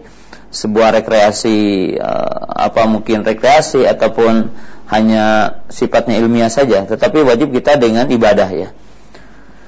Maka bagaimana kita menunaikan sholat? Tadi udah jelaskan menunaikan sholat. Pertama waktu menunaikan sholat. Waktu menunaikan sholat ketika terjadi gerhana itu sampai menjadi terang kembali. Ya, itu adalah waktunya. Yang kedua kaifiahnya, tata caranya udah jelaskan tadi yang pertama niat. Niat di dalam hati. Ya, dan kita tahu berdasarkan ijma bahwa sholat kusuk dua rakaat. Kemudian setelah itu kita takbiratul ihram, ya, seperti biasa mengangkat tangan disunahkan. Kemudian kita baca doa istiftah. Ya, doa istiftah yang mana saja. Kemudian setelah itu membaca surah Al-Fatihah. Kemudian membaca surah artinya membaca ayat yang lain atau surah yang lain dan disunahkan untuk panjang bacaannya. Lalu setelah itu ruku, kemudian memanjangkan rukunya. Jadi ruku kita adalah disunahkan untuk panjang rukunya. Kemudian setelah itu kita iktidal. Jadi kita mengatakan sami Allahu liman hamidah, lalu langsung meletakkan tangan kembali, ya. Dan tidak sujud ya. Jadi Bu tidak sujud langsung. Kita baca lagi Al-Fatihah, kita baca lagi surah, tetapi lebih pendek dari bacaan yang pertama. Kemudian setelah membaca Al-Fatihah dan surah kita ruku kembali, Lalu kita memanjangkan ruku tetapi lebih pendek dari ruku yang pertama. Lalu kita iktidal. sami Allahu liman hamidah. Lalu kita sujud dan memanjangkan sujud kita, kemudian duduk di antara dua sujud, kemudian sujud kembali. Setelah sujud yang kedua kita bangkit lagi untuk rokaat yang kedua. Allahu Akbar, lalu kita meletakkan lagi tangan kanan di atas tangan yang kiri, lalu baca Al-Fatihah, baca surah. Ya, yang panjang tetapi tidak sepanjang yang pertama tadi. Kemudian kita ruku, ya, dan ruku memanjangkan ruku kita. Lalu kita itidal. Sami Allah liman hamidah. Kemudian kita tidak ruku, eh, tidak sujud langsung. Lalu kita baca lagi Al-Fatihah, baca lagi surah.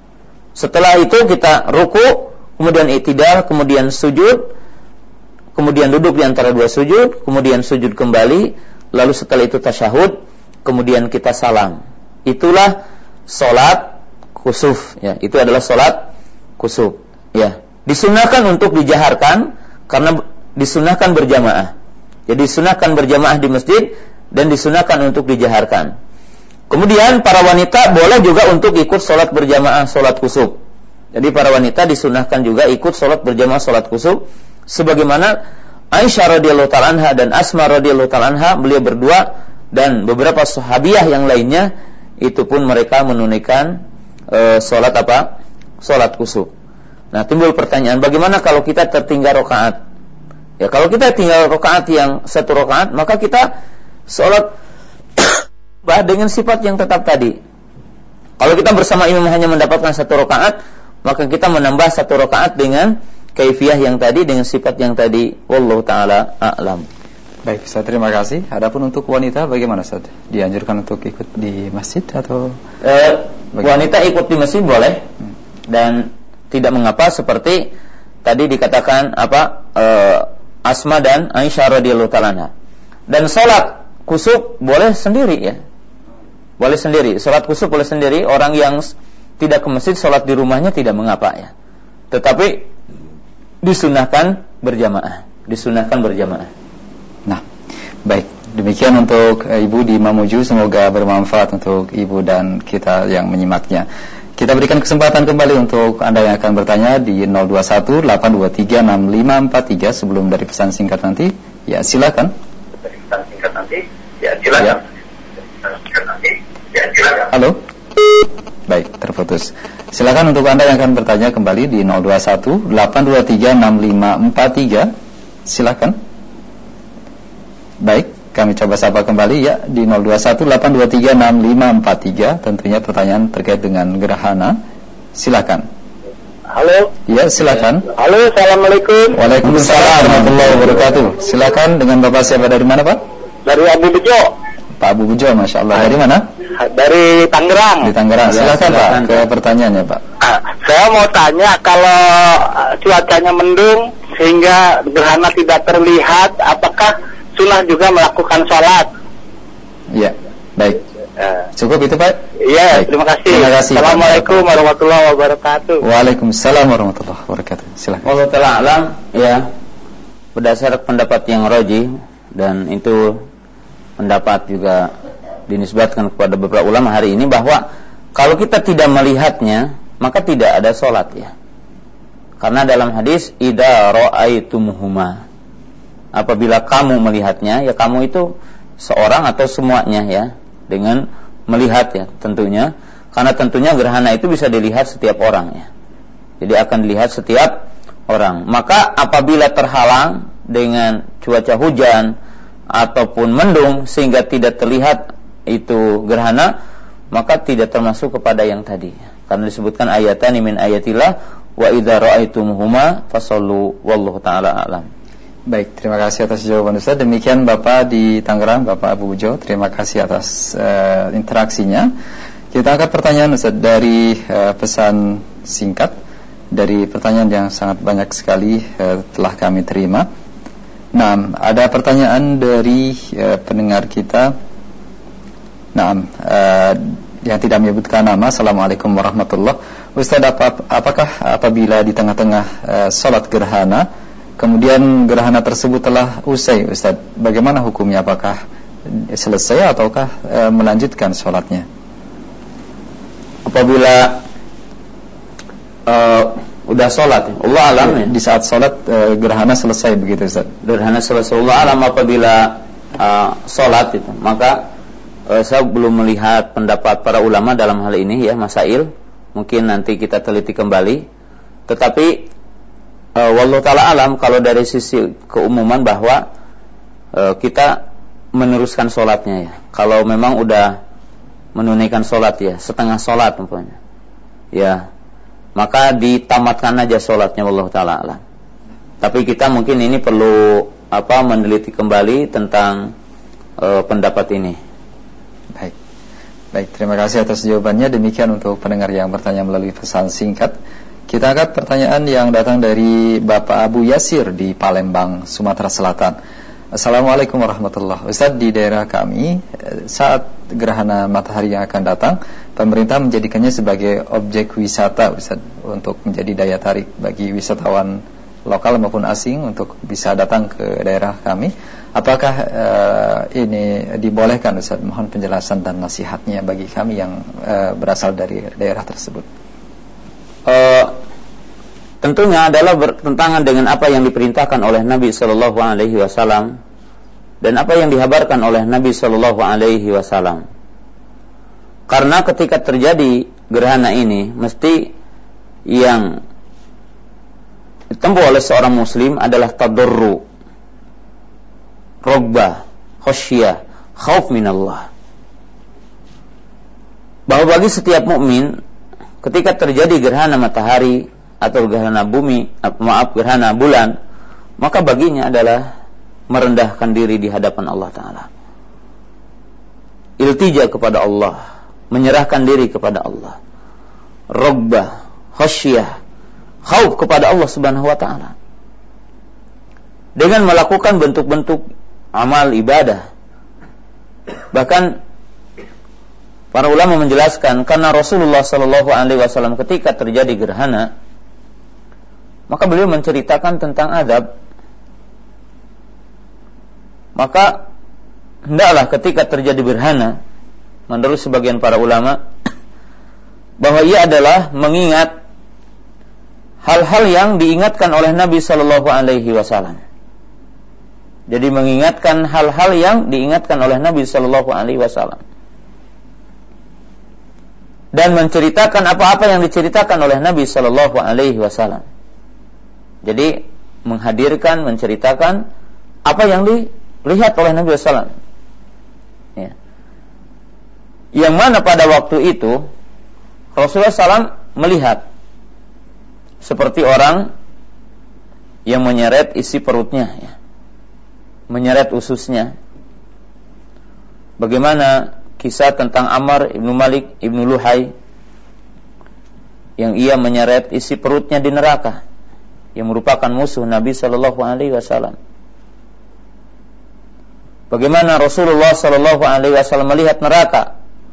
Lalu beliau mengatakan, sesungguhnya aku melihat penghuni yang paling banyak adalah kaum wanita. Lalu mereka pada bertanya apa yang menyebabkan mereka menjadi banyak ataupun menjadi penghuni neraka yang paling banyak. Maka Rasulullah SAW menjelaskan mereka adalah kufur kepada pemberian suami. ya. Dan ini hal-hal yang mestinya terjadi bagi setiap mukmin dan tidak melakukan hal-hal yang tentunya justru membawa maksiat kepada Allah Taala, ya, melakukan bentuk-bentuk penyimpangan, maksiat kepada Allah Subhanahu Wa Taala. Ini adalah yang diperintahkan oleh Rasulullah Sallallahu Alaihi Wasallam. Baik, terima kasih atas jawaban dan nasihat Al-Ustaz. Demikian untuk uh, Bapak di uh, Palembang, Bapak Abu Yasir, semoga bermanfaat. Kita masih angkat pertanyaan dari pesan singkat dari uh, Abu Saif di Solo, uh, Surakarta, Jawa Tengah. Ustaz, di dalam uh, upaya untuk uh, melakukan amal soleh, terutama di saat gerhana matahari, uh, apakah dibolehkan uh, di saat uh, salat gerhana ada penggalangan dana Ustaz atau e, mengajak kaum muslimin untuk menyedekahkan sebagian rezekinya yang kita nanti bagikan kepada fakir miskin. Apakah diperbolehkan Ustaz? Wallahu taala alam tidak perlu ya. Mungkin ya karena tentunya akan melihat surah yang berbeda ya. Tetapi menganjurkan untuk bersedekah kepada kaum muslimin maka itu adalah termasuk anjuran untuk imam atau untuk yang khutbah dan memperingatkan kaum muslimin untuk bersedekah maka tidak mengapa. Tetapi ya sejenis mungkin menjadikan kesempatan pada waktu itu adalah untuk penggalangan dana ataupun pengumpulan dana maka e, menjauhinya lebih baik itu. Jadi menjauhinya adalah lebih baik karena mungkin punya surah yang berbeda berkaitan dengan ibadah. Artinya gambaran yang kurang apa? Kurang pas ya di kondisi-kondisi seperti itu ya maka dianjurkan untuk bersedekah tetapi tidak perlu di koordinir seperti itu wallahu taala alam. Baik, terima kasih atas jawabannya. Demikian Bapak Abu Saif di Solo, Surakarta, Jawa Tengah. Terima kasih interaksinya. Kita angkat dari pesan singkat berikutnya dari Bapak Heri di Subang. Ustadz mohon penjelasannya dijelaskan tadi e, dengan memanjangkan ruku Ustadz saat sholat gerhana. Apa yang dimaksud dengan e, memanjangkan ruku tersebut Ustadz? Dan bacaannya itu bagaimana? Apakah e, dibaca lebih e, dari tiga kali berulang-ulang ataukah ada bacaan khusus untuk memanjangkan ruku ini Ustaz? Kalau bacaan khusus ya tidak ada ya. Artinya bacaan ruku ketika sholat kusuf ya. Yang dibaca yang dibaca ketika ruku, tetapi apa diulang-ulang atau terus ya. Seperti apa Rabbil Azim Subhanar Rabbil Azim 10 kali. Ya kemudian ditambah subuhun kudusun robul malaikati warruh dan doa-doa yang ada dalam ruku ya. Dan doa-doa yang ada dalam ruku. Jadi yang dimaksud memanjangkan ruku juga adalah memperbanyak zikir di dalam ruku itu Allah taala alam Terima kasih atas jawabannya. Demikian untuk pendengar yang bertanya uh, hal yang sama tadi. Kita berikan kesempatan berikutnya untuk penelpon kembali. Silakan di 021 823 6543 untuk Anda yang akan bertanya secara langsung, ya, silakan. Ya, halo. Assalamualaikum. Waalaikumsalam warahmatullahi wabarakatuh. Silakan Bapak dengan siapa dari mana? Ya, Assalamualaikum Pak Ustaz. Waalaikumsalam warahmatullahi Dengan siapa Pak? Ya, Pak Amirullah Maroke. Silakan ya, Pak Maroke. Masya Allah, silakan Pak saya mau tanyakan ini. Ini eh, saya pernah melihat bahwa setelah sholat Jumat dia sholat duhur lagi berjamaah begitu. Terima kasih. Baik. Terima kasih Bapak Amirullah uh, sedikit menyimpang terkait dengan sholat duhur. Uh, sholat duhur setelah sholat Jumat. Nah, ya. Bagaimana Ustaz? Uh, tentunya mungkin ini karena ada perbedaan bahwa sholat Jumat itu sah kalau jumlah yang Jumatnya adalah 40 orang dan itu disyaratkan an yakuna baligon mukiman jadi 40 orang itu harus yang balik dan mukim ya kalau yang sholat itu tidak 40 atau 40 tetapi e, sebagiannya musafir dan yang sebagiannya belum balik maka dianggap tidak tidak sah gitu. Tetapi ini pendapat ini dianggap pendapat lemah ya. Bahwa pendapat yang roji e, salat Jumat sah ya dengan kurang dari 40. Jadi kurang dari 40. Karena tidak ada dalil yang menunjukkan bahwa disyaratkan bahwa sholat Jumat sah kalau 40. Jadi kalau tidak 40 maka tidak sah. Ya. Tetapi cukup dengan adanya makmum imam ya yang khotib ya. Jadi minimalnya tiga orang ya. Itu adalah sah solat solat Jumat. Solat Jumat dan tidak ada dalil yang menunjukkan harus empat empat puluh. Maka pendapat yang roji, pendapat yang kuat bahwa tidak mengulangi lagi solat duhur setelah solat apa? Jumat ya. Setelah solat Jumat Wallahu taala alam. Jadi Bapak yang dirahmati Allah Subhanahu wa taala, mungkin kalau bertanya tentang penyebabnya, Penyebabnya adalah karena ada perbedaan di sebagian para ulama bahwa e, sholat Jumat disyaratkan harus 40 dan 40 itu sampai disyaratkan yaitu baligon ya. Kemudian apa? E, mukiman. Artinya yang balik dan yang mukim. Kalau di sebuah tempat ada sholat Jumat dan di situ masih ada yang belum balik kemudian ada yang musafir dan jumlahnya 40 maka itu tidak dihitung. Sebagai 40 tetapi pendapat yang kuat pendapat yang hak e, sholat Jumat sah walaupun kurang dari 12 apa, apa dari 20 dari 40 orang Allah taala alam. Baik, terima kasih atas jawabannya. Demikian untuk Bapak Amirullah di Merauke, semoga bermanfaat. Kita berikan kesempatan masih ada tersisa beberapa waktu ke depan. Silakan masih di 021 823 6543. Tentunya berharap uh, pertanyaan Anda berkesesuaian dengan bahasa yang Ustaz sampaikan tadi. Silakan. Assalamualaikum. Waalaikumsalam warahmatullahi wabarakatuh. Ahlan dengan Bapak siapa dari mana? Yusuf di Cibinong. Pak Yusuf, silakan. Uh, apakah ada doa setelah khutbah uh, dilaksanakan? Baik. Itu baik. Terima kasih Pak. Waalaikumsalam warahmatullahi wabarakatuh. Terima kasih. Silakan. Enggak ada ya doa dipimpin oleh imam pokoknya ya, setelah sholat atau setelah khutbah atau doa dalam khutbah. Adapun imam berdoa dalam khutbahnya, ya maka itu hanyalah berupa ada berdoa apa, ada berkhutbah ya. Di mana ya tentunya apa majelis yang diakhiri dengan doa bagi yang duduk ataupun majelisnya dan orang yang mendengarkannya dan orang yang membicarakannya maka itu hal-hal yang merupakan adab-adab dalam majelis adab-adab dalam majelis dan tidak ada dalil yang menunjukkan bahwa ada doa khusus ya. Artinya ketika setelah e, berkhutbah atau di akhir khutbah ada doa khusus maka itu tidak ada. Tidak seperti sholat apa? Istisqa. Kalau sholat istisqa tentunya imam dianjurkan untuk berdoa dengan doa khusus. Allah taala Baik, terima kasih atas jawaban Ustaz. Demikian untuk uh, Bapak di uh, Cibinong tadi, semoga bermanfaat. Terima kasih atas interaksi Bapak Yusuf. Silakan masih ada kesempatan untuk Anda di 0218236543. Anda yang akan bertanya kembali via telepon. Iya. Assalamualaikum warahmatullahi wabarakatuh. Waalaikumsalam warahmatullahi wabarakatuh. Silakan dengan siapa dari mana Ibu? Dari Ibu Sri di Takengon Ustaz. Oh, Masya Allah, Sri, silakan. Aceh ya. Nah. Iya Ustaz. Ini mau nanya Ustadz mengenai uh, memperpanjang ruku tadi Ustadz. Iya. Boleh nggak berdoa dengan doa kita sendiri?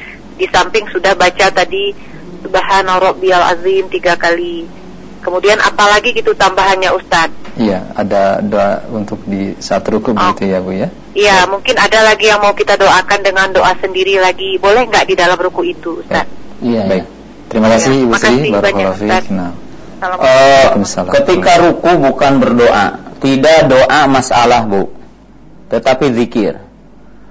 Karena dalam hadis yang umum, fa'amar ruku fa'adzimu rabbah. Fa'adzim rabbak. Adapun dalam ruku maka agungkan ka, agungkanlah Rabbmu. Wa amma sujud faqum min fid du'a. Kalau sedang sujud maka bersungguh-sungguhlah dalam berdoa. Jadi di sini Bu, kaum muslimin yang dirahmati Allah Subhanahu wa taala e, kalau di dalam ruku itu zikir yaitu pengagungan kita kepada Allah. Mengagungkan Allah taala. Sifatnya zikir ya. Ta'zim kepada Allah taala. Dan tidak berdoa masalah. Jadi tidak doa apa? Masalah. Jadi artinya kita tidak e, menyebutkan doa masalah. Meminta kepada Allah taala dalam ruku. Adapun dalam sujud maka kita dianjurkan untuk selain zikir mengatakan subhana rabbil a'la, subhana a'la atau menurut sebagian para ulama yang mensahihkan wa bihamdihi ya, maka kita dianjurkan untuk berdoa. Jadi kalau ibu ingin berdoa, doa masalah, maka adanya dalam sujud. Adapun dalam ruku, maka memperbanyak zikir. Artinya kalimat-kalimat zikir wallahu taala alam. Baik, terima kasih atas jawaban dan penjelasan Ustaz. Demikian untuk Ibu Sri di Takengon Aceh. Kita angkat pertanyaan selanjutnya, pertanyaan yang datang dari pesan singkat. Nah, ada e, pertanyaan dari pendengar kita Nah, uh, nah ada pertanyaan uh, dari pendengar kita Bapak Abu Sauki di Tabalong, Kalimantan Selatan. Nah, Assalamualaikum warahmatullahi wabarakatuh. Ustaz, bagaimanakah jika kita masbuk pada rokat pertama di Al-Fatihah kedua, apakah kita menambahkan Al-Fatihah atau bagaimana Ustaz caranya? Terima kasih. Maka e, masuk kepada umum ya. Jadi kalau mendapat ruku yang pertama maka cukup Allah taala alam. Ya. Jadi mendapatkan ruku maka cukup Allah taala alam. Jadi cukup untuk rokaat yang pertama. Tapi jika mendapatkan ruku apa rokaat yang kedua, maka kita menambah satu rokaat Allah taala alam. Baik. Terima kasih atas jawabannya. Demikian Bapak Abu Syauki di Kalimantan Selatan.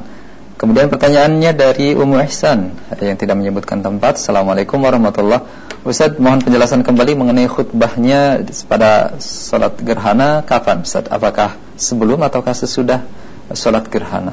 Allah Ta'ala alam setelah sholat ya hmm. Baik, ya, terima kasih uh, jawaban Ustaz demikian untuk Ummu Ihsan.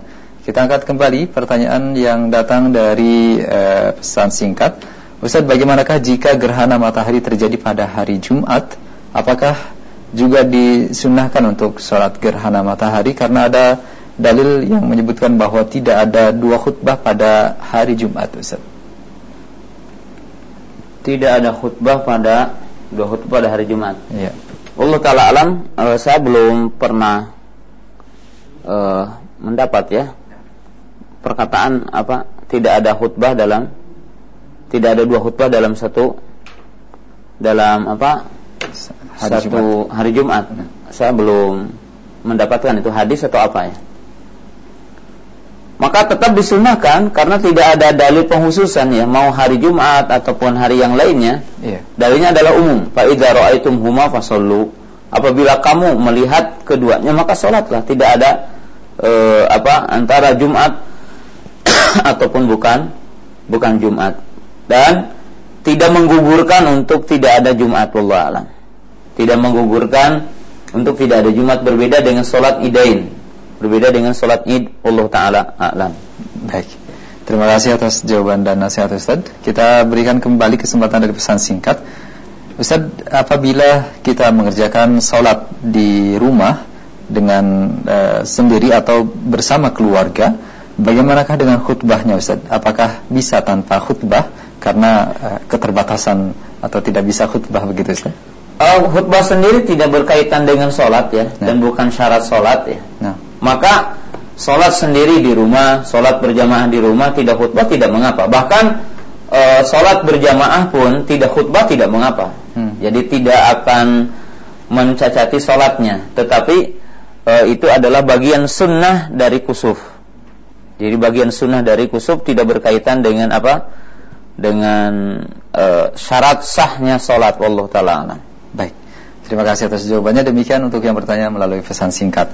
Kita akan berikan kesempatan untuk di 5 menit terakhir kembali dari penelpon di 021 823 6543 untuk Anda yang akan bertanya. Silakan. Halo, silakan di 021. Assalamualaikum. Waalaikumsalam warahmatullahi wabarakatuh. Silakan dengan siapa dari mana? Dari Pak Yasmin di Kebumen. Pak Yasmin, ya, silakan. Silakan pertanyaannya, Pak. Ini pertanyaannya untuk surat-surat yang dibaca rakaat kedua itu apa ada atau hanya dibaca pada rakaat pertama, dibaca pertama dan pada kedua. Dan itu terjadinya besok tanggal berapa kira-kira? Iya. Begitu Bapak, terima kasih. Baik. Assalamualaikum warahmatullahi wabarakatuh. Waalaikumsalam warahmatullahi wabarakatuh. Terima kasih Pak Yasmin di Kebumen. Silakan Ustaz. Surah-surahnya ya? Iya. Ya. Surat apa saja? Ya surah itu yang yang apa? Tidak di, di tidak harus tetap ya kalau surah itu. Tidak dikhususkan. Tidak dikhususkan tentang surah-surah tetapi tentunya atas kemampuan imam saja ya. Akan tetapi tentunya membaca ayat yang panjang-panjang ya. Jadi yang panjang-panjang dan dikisahkan bahwa Nabi SAW membaca rokaat yang pertama sepanjang surah Al-Baqarah ya. Dan rokaat yang kedua sepanjang surah Ali Imran. maka ya itu pernah terjadi ya seperti seperti begitu dan kalau kita eh, apa tidak mampu itu semua ya yang jelas panjang tidak seperti sholat biasa dan urutannya panjang kemudian setelahnya lebih pendek setelahnya pendek lagi seterusnya gitu. Dan itu tentunya sesuai dengan tabiat manusia. Jadi sesuai dengan tabiat manusia ya.